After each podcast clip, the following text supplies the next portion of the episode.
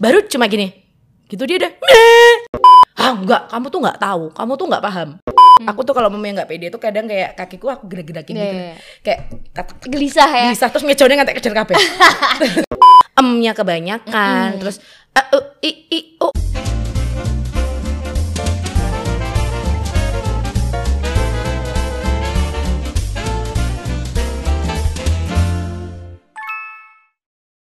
Wait, hey anakmu nangisan nggak? Dulu sempet sih. Jadi eh, dia kayak ngelewatin mas eh, fase di mana dia itu nggak mau ditinggalin. Eh, mamanya kayak dia lagi main sama tetangga mamanya gitu ya. Terus aku tinggal, dia nangis. Tapi sekarang dia malah lebih nyaman ke tetangga daripada ke ibunya sendiri. Saking seringnya ditinggal ya. Passionnya adalah nonggo. Seru ya.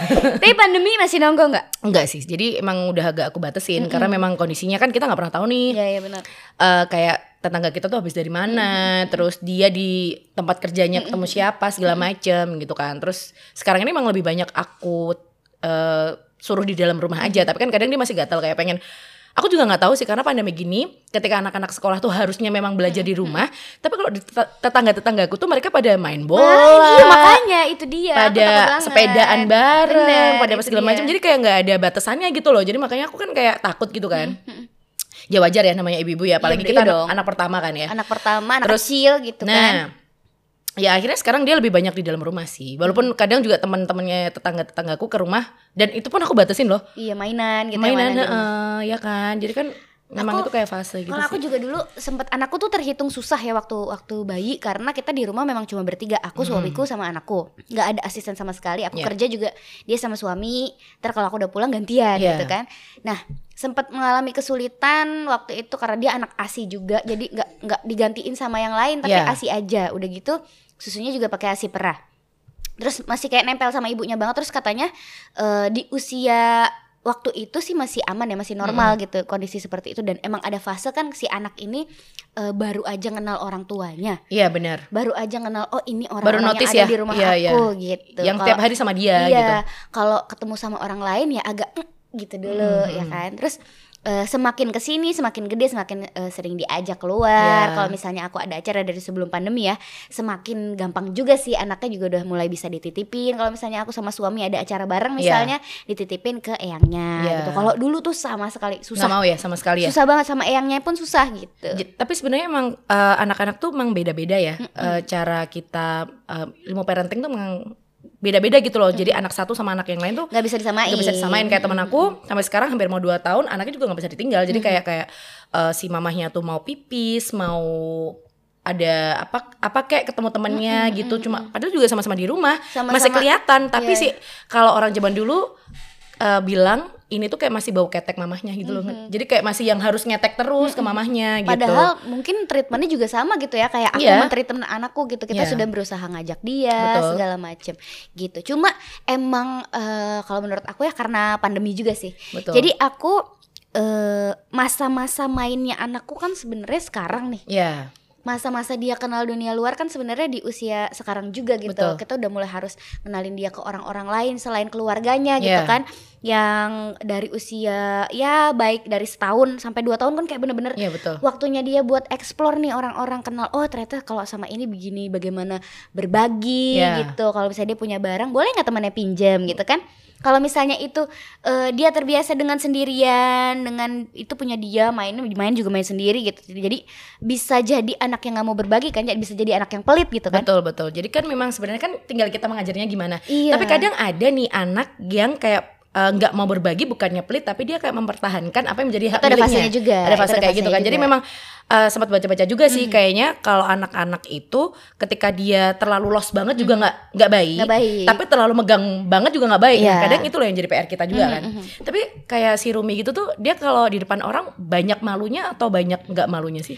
Kalau sekarang udah enggak sih, udah eh, karena aku terbiasa kalau aku ya Iya. mengakalinya dengan kalau misalnya disapa orang itu karena mungkin dia belum bisa jawab, aku yang jawab iya tante Iya. gitu.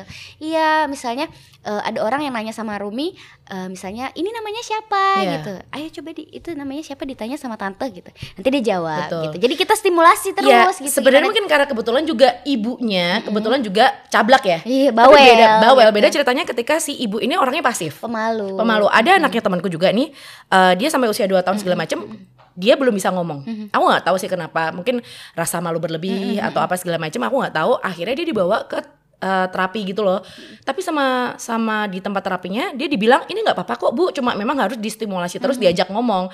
Padahal sebenarnya kayak ibu-ibu era sekarang ya kita banyak megang handphone daripada ngajak ngobrol anak bener nggak? Mengakui nggak sih? Jadi kadang tuh kayak harus punya quality time bareng sama Gaya Iya. yang bener-bener eh, dia tuh harus kita ajak ngomong, kita ajak Diajarin untuk yang kayak sharing waktunya dia gitu. belajar gitu ya. Betul, dan memang harus harus eh, tertib untuk masalah waktu ya. Dis. Jadi kayak sebenarnya memang itu tuh fokusnya anak kan ketika mau tidur ya, untung gak jatuh bu. mau tidur, mau tidur sama bangun tidur menurut Iya, aku. iya, Bangun itu tidur tuh kayak kita eh, Saatnya masuk tuh ya semua materi-materi, belajar bener. doa, belajar segala macam Iya. tapi cepet banget ya. ada juga tipe anak yang ketika dia di depan orang banyak dia nangis kayak gitu. Ada ada ada. ada. Saking malunya, saking nggak bisa ngomongnya, belum diapa-apain, belum disapa, baru dilihat anaknya temanku kayak gitu Nangis lagi. ya? Banyak banget. Baru cuma gini. Gitu dia udah. Baru Tapi itu dilihat, belum dicubit. Sebenarnya orang tuanya sudah berusaha mengajak, tapi anaknya tetap nangis. Iya, iya. Seperti itu. Jadi aku juga sempat tanya kan ke orang tuanya itu gimana. Aku juga nggak mau terlalu sensitif banget kan. Itu juga pertanyaan yang dipikirnya ntar Iya ya. Judgment. apa-apa kan balik lagi mau anaknya baik, anaknya buruk, semua salah mamanya. Gitu loh. Ya kan Kadang-kadang gitu dijudge. ya. Iya loh. Yang dijudge kitanya ibunya. Padahal mau anaknya gendut, mau anaknya kurus, mau Iya. anaknya gimana juga yang kena Bener. ibunya. Pasti semuanya berada seperti itu. Akhirnya aku tanya, itu kenapa sih anakmu bisa kayak gitu? Apa? Karena selama ini mungkin dia memang di rumah cuma berdua sama mamahnya dan nggak punya tetangga, terus jadi nggak bisa explore apa apa juga eh, yang ngajarin juga mamahnya kayak gitu sih. Tapi anakku eh, alhamdulillah ya mungkin eh, meskipun sempat mengalami fase itu ya karena memang menurut aku masih dalam batas normal Iya. ketemu orang takut gitu kan kayak ya namanya belum kenal belum pernah ketemu segala macam tapi se- semakin terbiasa juga jadi semakin yang oh iya udah jawab sendiri Iya. kadang kan masih butuh dibantuin nih Iya. eh itu tantenya nanya gitu kan kalau yang dulu masih butuh bantuan masih butuh perantara dari aku yang nanya akhirnya dia jawab sekarang udah mulai kayak jawab sendiri Iya. bahkan udah mulai cerita kemarin dong seru Kenapa? sekali. Ini fresh. Baru terjadi semalam. Jadi suamiku itu kemarin eh, kejedot. Nggak tahu kenapa. Pokoknya lagi mau balikin sejadah kejedot terus pelipisnya sini tuh berdarah. Iya. terus eh, aku keluar sama anakku ditanya eh nggak ada yang nanya sih sebenarnya cuma manggil doang Rumi gitu. Iya bapak tadi berdarah.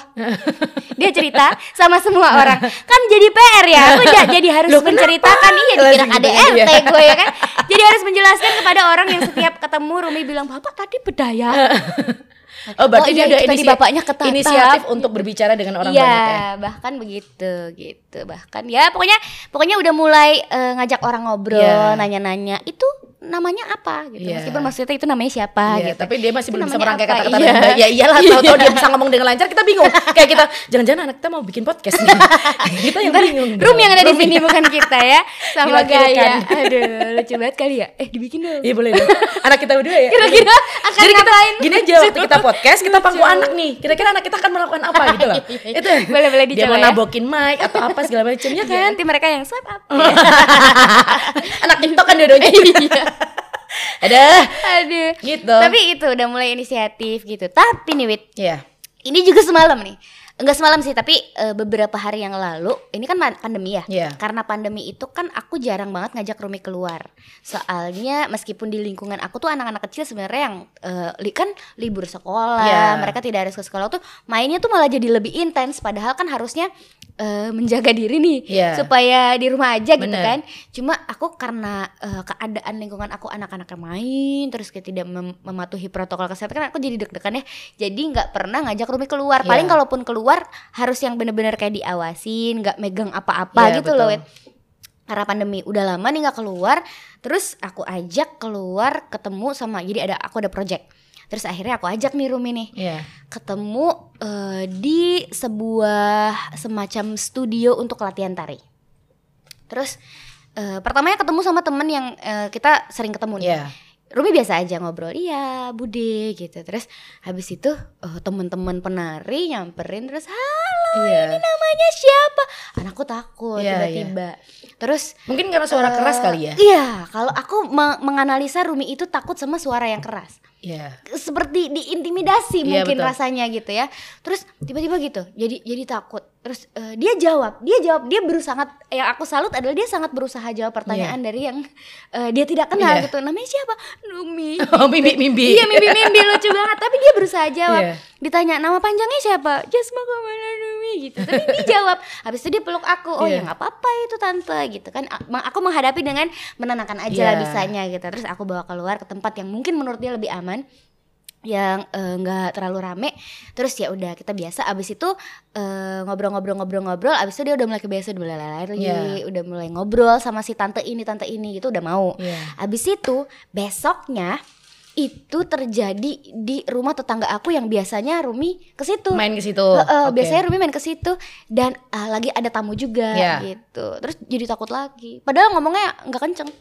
Tapi itu fase sih, Dis. Jadi kayak ya gitu. Karena memang jadi gini, ada anak eh, ketemu orang baru nangis, belum diapa-apain nangis, dengar suara keras mungkin selama ini kalau di rumah nggak pernah, nggak orang tuanya nggak pernah yang bersuara keras mungkin seperti mungkin, itu. mungkin. Ketika Tidak di luar terbiasa. mereka merasa ini bukan tempat yang aman gitu loh. Apalagi kan eh, sekarang lingkungan kita banyak banget ya, nggak cuma satu lingkungan aja, nggak cuma masalah tetangga nih, lingkungan kerja kita, ketemu orang baru dan e- emang itu salah satu solusinya. Emang anak harus bener-bener kita kasih pengertian, kita kasih ajak ngobrol, kita kasih ajak kasih tahu. Kadang tuh kan aku juga sering kasih video eh, umpamanya kita lagi nge-MC apa segala macam.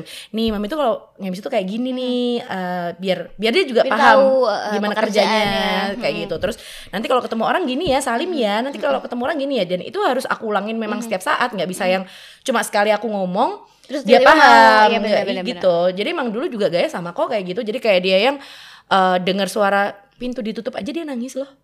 Jeder gitu dia Kaget, Kaget. kaget. Iya, dia Kalau aku juga aku sempat merasa bersalah juga entah karena emang di rumah jarang ada suara keras ya Iya. atau karena aku pernah eh getah. Aku Iya. tuh pernah getah. Mungkin di di mindsetnya dia adalah ketika ibu bersuara keras berarti ibu lagi marah. Iya. Jadi kalau ada orang lain yang ngomongnya keras berarti dia lagi marah nih. Iya. Mungkin dia berpikir kayak gitu gak sih? Iya sih, ya iya, kan iya, iya, bisa jadi itu juga bisa juga ya nggak tahu lah ya pikirannya anak cuma ya aku agak sedikit menyesal gitu ada ada sedikit penyesalan kayaknya eh, dia takut nih sama suara-suara Iya, keras gitu. Karena mungkin pernah lihat kita dengan kondisi gitu. Aku juga pernah. Ya maksudnya kayak bentak anak. Kan kayak itu tuh kayak refleks ya. Sebenarnya bukan masuk bentak sih. Jadi, tapi kan kalau mamanya anak mau jatuh, gaya jangan. iya Gitu gitu kan. iya itu dia taunya tuh kita baik- taunya tuh marah Iya, gitu kan. padahal sebenarnya enggak, cuma karena kita shock aja, jangan sampai jatuh. Tapi sebenarnya dia juga jatuh juga sih. Tapi Iya. ya wes. Refleks. Refleks terlanjur, ibu-ibu. terlanjur teriak kan. Jadi sebenarnya eh, kayak bentuk posesif juga ke anak. Kadang butuh, kadang juga harus dikondisikan dengan situasi dan kondisi. Mm-mm, betul Memang nggak bisa setiap saat kita yang harus mungkin ya kayak anak-anak yang eh, kayak mengalami mutisme selektif kayak gitu-gitu ya. Itu tuh mungkin karena memang basicnya mereka tidak pernah didukung untuk melakukan sesuatu. Jadi kayak nggak pede, kayak eh, orang tuanya tuh tidak pernah mendengarkan apa yang anaknya mau gitu loh. Jadi kayak anaknya nggak tidak dipercaya untuk menyampaikan sesuatu Betul. Bahkan sampai- mengutarakan apa maunya kemarin gitu tuh aku sempat ngurusin ada Sweet Seventeen gitu ya. Itu tuh eh, si anak ini tuh 17 17, 17 tahun, tahun. Hmm. ngurusin Sweet Sweet Seventeen, si anak nih mau speech sebenarnya. Hmm. Mau kayak ngomong eh, thank you buat teman-teman aku Yang udah datang, yang udah datang. Sebenarnya cuma gitu doang, dia bukan mau stand up atau gimana ya. Jadi tuh tahu-tahu bapaknya tuh menggal. Bapaknya tuh ngomong, eh, udah udah nggak usah didengerin, saya aja ngomong. Lah aku udah jondil, lah sing ulang tahun bapak eh. Salah, umur Itu, 71 eh, eh, mohon dibalik. maaf, itu bapak bapaknya eh, kenapa ya nggak tahu jadi mungkin dia eh, tapi dari situ aku kayak yang itu baru pertama ya abis itu pertama kali aku lihat ternyata setelah si anak ini setiap kali berkomunikasi dengan si bapak si anak ini selalu disangkal pendapatnya. Makanya si anak ngomong pah itu nanti gini gini gini. Ah enggak kamu tuh nggak tahu kamu tuh nggak paham. Kamu tuh bahkan sampai di usia tua pun masih di seperti itu kan gitu. Ya kita nggak pernah tahu ya kondisi anak seperti apa. Atau mungkin memang dia mengalami kekurangan Iya, ada sempat ada hal-hal yang dia kurang dan kita nggak tahu. Tapi kan caranya mungkin ketika di depan orang banyak jangan sampai menjatuhkan Iya anak. dong, bener nggak iya sih? dong. aku makanya kalau Mega juga melakukan sesuatu yang salah aku tidak pernah menegur dia di depan orang banyak. Karena ketika dia mamanya dia mukul temennya nggak sengaja kan refleks mamanya aku bilang "Eh, gaya besok besok jangan dipukul ya walaupun sebenarnya kita nggak pengen ngomong kata jangan tapi kan nanti kalau sudah di rumah aku ngomong gaya kayak gitu tuh nggak baik kayak gitu memang harus diomongin secara personal iya, iya. nggak bisa kalau di depan orang langsung gaya jangan oh coba Iya dong, anak dimarahin di depan orang itu bisa Minder. bisa macam-macam efeknya banyak, Banyak banget. itu. Sampai gede loh mental, efeknya. Iya, Mental. efeknya ke mental ya psikis dan segala macamnya. Itu ngeri banget. Cuma Iya. aduh, itu eh dan anak-anak yang digituin maksudnya anak-anak yang kayak tadi uh, sampai umur 17 di Iya. sangkal tidak dipercaya untuk eh, mengutarakan pendapatnya nggak boleh ini nggak boleh itu semuanya nggak boleh itu efeknya bisa jadi eh, mutisme selektif which is itu kalau eh, di depan orang sama sekali nggak mau ngomong Iya, iya, bahkan sampai ada yang gangguan bicara Berarti itu ngefek banget kalau untuk masalah mereka ketika di kelas ya. Kayak mempengaruhi efek belajar juga nggak iya sih? dong iya dong Iya nggak? di sekolah Kan otomatis pasti ditanyain jadi- satu tambah satu berapa? Semua pada Iya, gini. Dia diem Dia doang. yang pasif, yang nggak mau "Males, ngomong, Gue males. Sebenarnya gue tahu tapi gue males. Congkak aku. Keren sih. Congkak. Jadi sebenarnya ya mudeng-mudeng gue tapi ya males. Wong yang mudeng aku Gue mudeng. mudeng. Ngerti gak sih? Ada orang sok tahu. Oh jadi aku mudeng kan malas aja ngomong. Iya. Sebel. Beda tapi ini beda, ya, tapi- bukan. Tapi karena dia memang tidak Minder, percaya diri ya. Iya, jadi tidak percaya diri. Udah gitu malunya tuh eh, berlebih gitu. Malu ada beberapa malu yang wajar ya, kayak Iya. malu untuk me- menampilkan bagian tubuh, malu Iya, itu kan iya, wajar. iya, iya. Ini malunya tuh kayak berlebihan banget. Kayak harusnya orang nggak malu tuh dia malu kayak misalnya Iya. Eh, coba itu ngomong sama mbaknya itu minta eh, pesan es tehnya tambah satu. Iya. Itu tuh ada loh yang nggak mau, nggak mau ah kamu aja. Iya, iya, iya. iya. Ada loh Dalam circle kita ya ada itu yang kan kayak gitu ya. iya bener. itu kan tidak perlu maksud Iya. aku eh, itu juga menurut aku salah satu yang di- bisa dibilang eh, apa namanya mutisme selektif, ya iya. karena mungkin ada ada masalah-masalah kayak gitu Betul, tadi betul. gitu terus ada lagi yang takut eh, kayak tadi Rumi misalnya malu di di doket eh, orang tapi sampai berlanjut Iya, iya. Sampai ke sampai terusan nanti, sampai kita nggak eh, bisa kayak aku ada temen. Dia sampai di usia segede aku dia tuh setiap kali ngobrol sama orang nggak pernah mau ngeliat mata. Jadi dia kayak nggak pedenya tuh kayak yang ini orang di sini dia tuh bisa ke sini loh. Iya pak. Jadi ya Bukan muhrim kali, Wi. bukan muhrim iya mungkin aku juga sempat mikir gitu. Tapi enggak ada yang gitu Enggak soalnya gitu, enggak gitu, tapi enggak gitu. Iya, iya tapi karena memang dia tuh sebenarnya kalau sudah sama aku berdua tuh normal gitu loh. Tapi kenapa ketika ketemu orang baru padahal sebenarnya pinter. Iya, aku tahu dia pinter, Iya, aku iya. tahu dia punya potensi yang baik. Tapi kenapa setiap kali eh, dia bertemu dengan orang baru, dia seperti nggak mau ngelihat nggak mau dipandang, nggak mau di dia kayak kagok sendiri gitu Iya, loh, ngerti iya, gak sih? aneh-aneh. Ada orang yang Tidak terbiasa aja, gitu ya. Terus kayak kebanyakan kata em, ngerti gak? Jadi orang tuh kalau nggak beda karena em, jadi em, em, em gitu. Jadi itu memang mungkin efek dari ketika dia kecil eh, mungkin belum diarahkan oleh orang tuanya atau mungkin ada fase pernah loh ya ada orang yang mungkin sempat eh kalau kata orang Jawa sih kecentok. Kecentok apa sih bahasa Indonesianya? Eh, kecentok apa? kegelan Kecentak. sama sama bahasa Jawa kecentok apa sih? Apa sih guys? Eh, ini ya Oh, ya, eh, tolong pikirkan. apa ya kecentok Kecentok.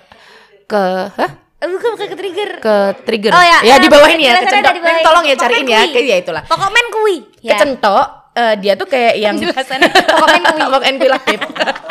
Oh trauma. Ya, trauma semacam. ketika dia ya semacam itulah. Trauma ketika mungkin ketika dia pernah mengutarakan pendapat disangkal orang dari situ dia kayak belajar untuk aku akan lebih berhati-hati untuk ngomong atau mungkin aku akan lebih memilih untuk pasif. Iya. Ya nggak? kayak malas digituin gak enak Itu gitu ya. mental, berarti masalah Iya. mental kan sebenarnya. Makanya kan mental orang juga beda-beda. Iya. Nggak semua orang bisa jadi kayak kita juga Iya. loh, dia berani ngomong. iya bener Iya kan? Bener. Tapi ada orang yang pintar secara, secara akademis, dia bisa ngomong, ada yang akademisnya pintar dia nggak bisa ngomong tuh banyak Iya, ternyata betul. yang di luar sana. Mhm. Terus apalagi sih tanda-tanda eh, mutisme selektif itu adalah oh ini. Ini yang sering nih dialami dan mesti menurut aku harus di apa ya, harus dikasih perhatian khusus. Iya.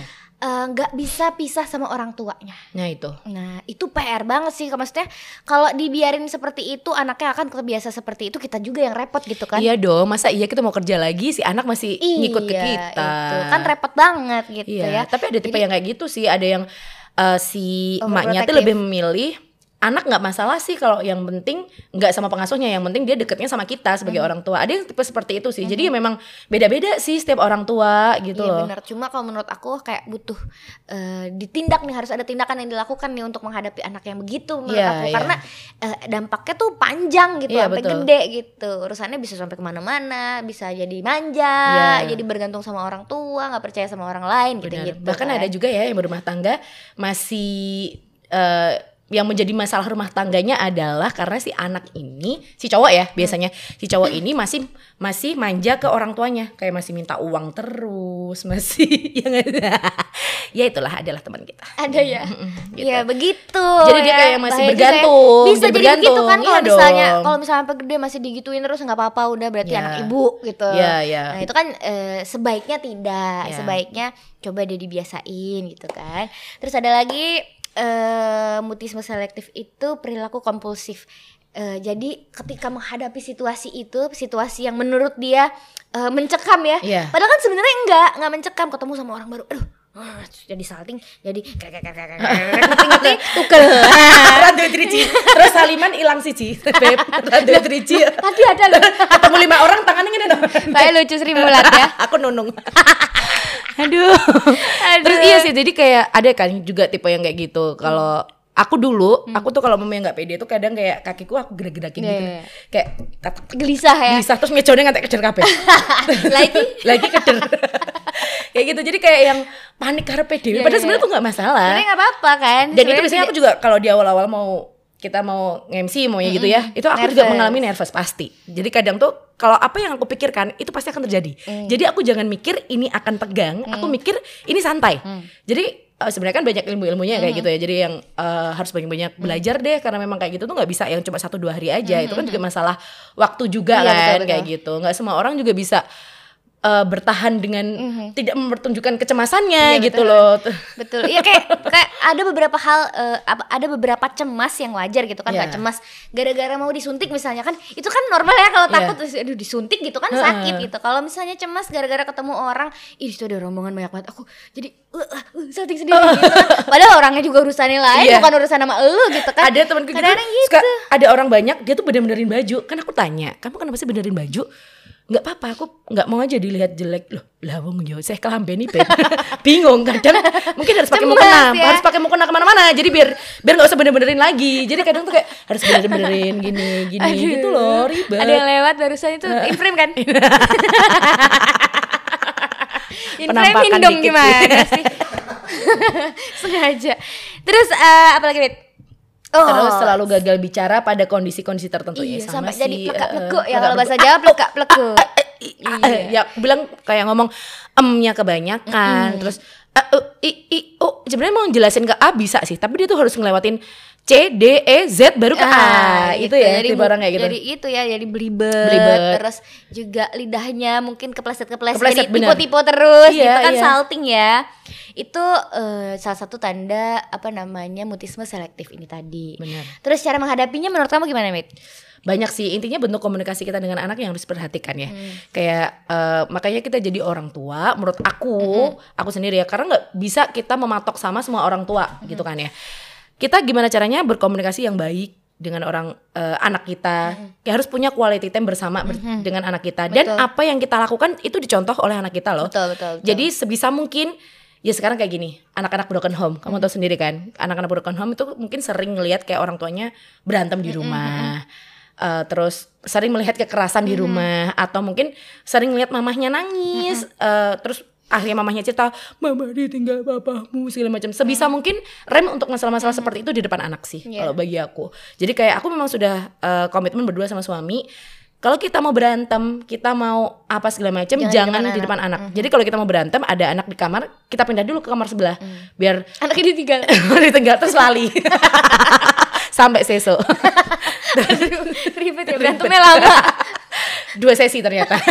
ternyata nota merah perkawinan suwe episode beberapa episode Simbara ya. terus eh, jadi memang aku sama suami yang pengen pengen dari awal sudah yang seperti itu jadi memang harus komunikasi yang tepat sih intinya Iya. bersama dengan suami bersama dengan anak juga Terus juga menurut aku jangan takut buat bawa anak tuh bakal menghadapi temen yang nakal, bakal Iya. menghadapi ini. Cuma not this soon. ya Maksud aku tidak sesegera ini tidak sekarang juga kita anak gue masih umurnya belum ada 2 tahun Iya. gitu kan. Masa mau dijahatin sama temennya sekarang? iya benar Kan tetap harus dilindungi dulu. ya Iya dong. Aku ini gak sih? Eh, aku membela diri.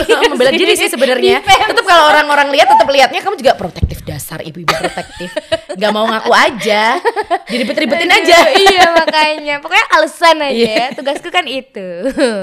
Terus Wit jadi kalau misalnya kamu membawa gaya nih Iya. di pekerjaan kamu kan rame nih misalnya. Iya. misalnya eh, bayangkanlah ini tidak pandemi gitu ya. Mm-mm. Kamu akan mengenalkan gaya Iya dong, jadi eh, dari awal bahkan dari aku hamil tuh sering banget kayak kita ngelus-ngelus anak, Iya, aku iya, bilang gaya besok kalau mama mami ulang eh ulang tahun mami kerja ulang tahun terus. Ulang Kan tahun terus terusan eh, ulang tahun. ulang tahun ulang tahun.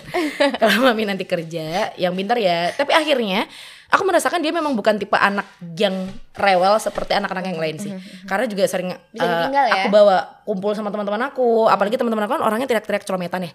Ya yang eh, Ya, mulutnya mamut, tuh gitu-gitu mamut lah ya. ya pokoknya semuanya deh. Jadi mulutnya gaya!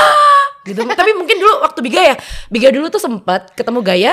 Kan kita tuh kalau ketemu anak kecil suka Bebe! gitu kan. Dia tuh nangis awal-awal. Tapi setelah itu dia akhirnya bersahabat dengan sekeliling. Oh akhirnya dia mengakui oh sekeliling ibuku memang setan semua jadi nggak apa-apa dia, gitu. dia juga begitu jadi. Dia ngikut. dia duluan yang "Wah!"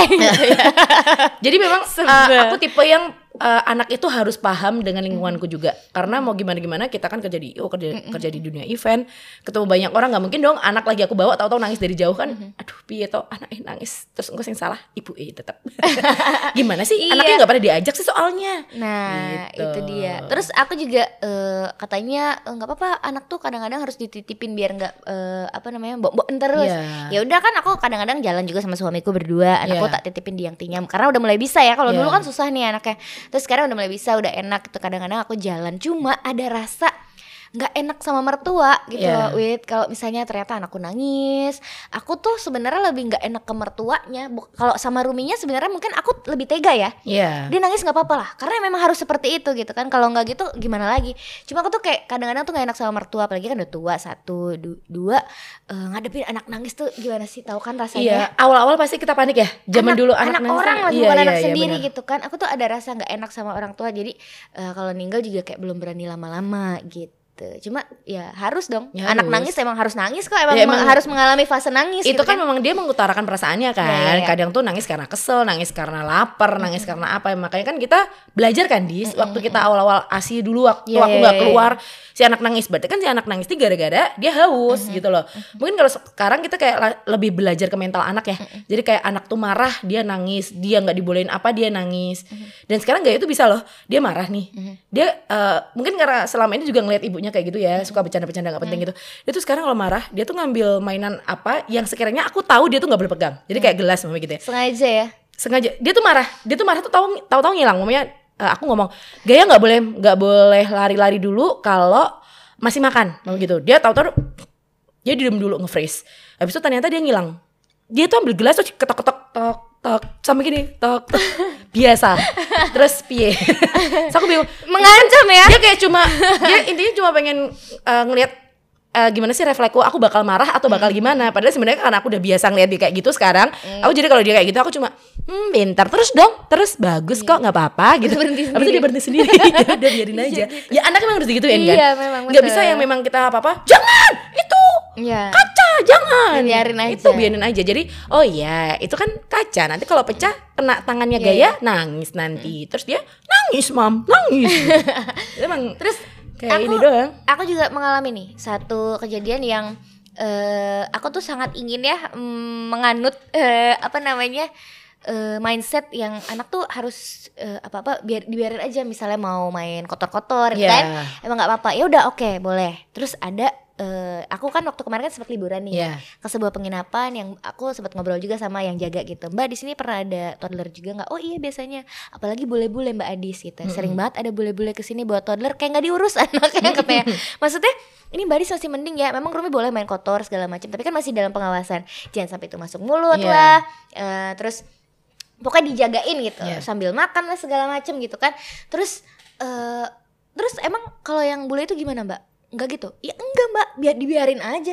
Jadi anaknya mau makan pasir anaknya mau jatuh berdarah-darah dibiarin aja wit. Oh emang itu mungkin dilatih debus dari kecil. iya. Londo debus aku- kan belum ada iya, tuh iya debus. makanya. Mungkin dimak- minum bensin terus tiba-tiba nyembur. Donggleng, donggleng, iya, donggleng. makanya tinggal lihat dari. YouTube lihatnya reok ya Reok. jadi eh, apa namanya menurut aku memang eh, terlalu protektif sa- urusan anak kotor segala macam itu juga nggak baik tapi yang nggak dilepas juga Iya. gitu masih dalam harus dalam pengawasan juga Masa iya di dalam pasir nanti ada kayak eh, apa sih cacing atau ada barang-barang yang tajam segala macam terus tahu-tahu dimakan sama anak. Orang gaya aja tuh sering banget loh. Aku potongin kukunya, kukunya kan masih belum aku beresin karena aku masih ribet ngapain. Dimakan. Dimakan kukunya.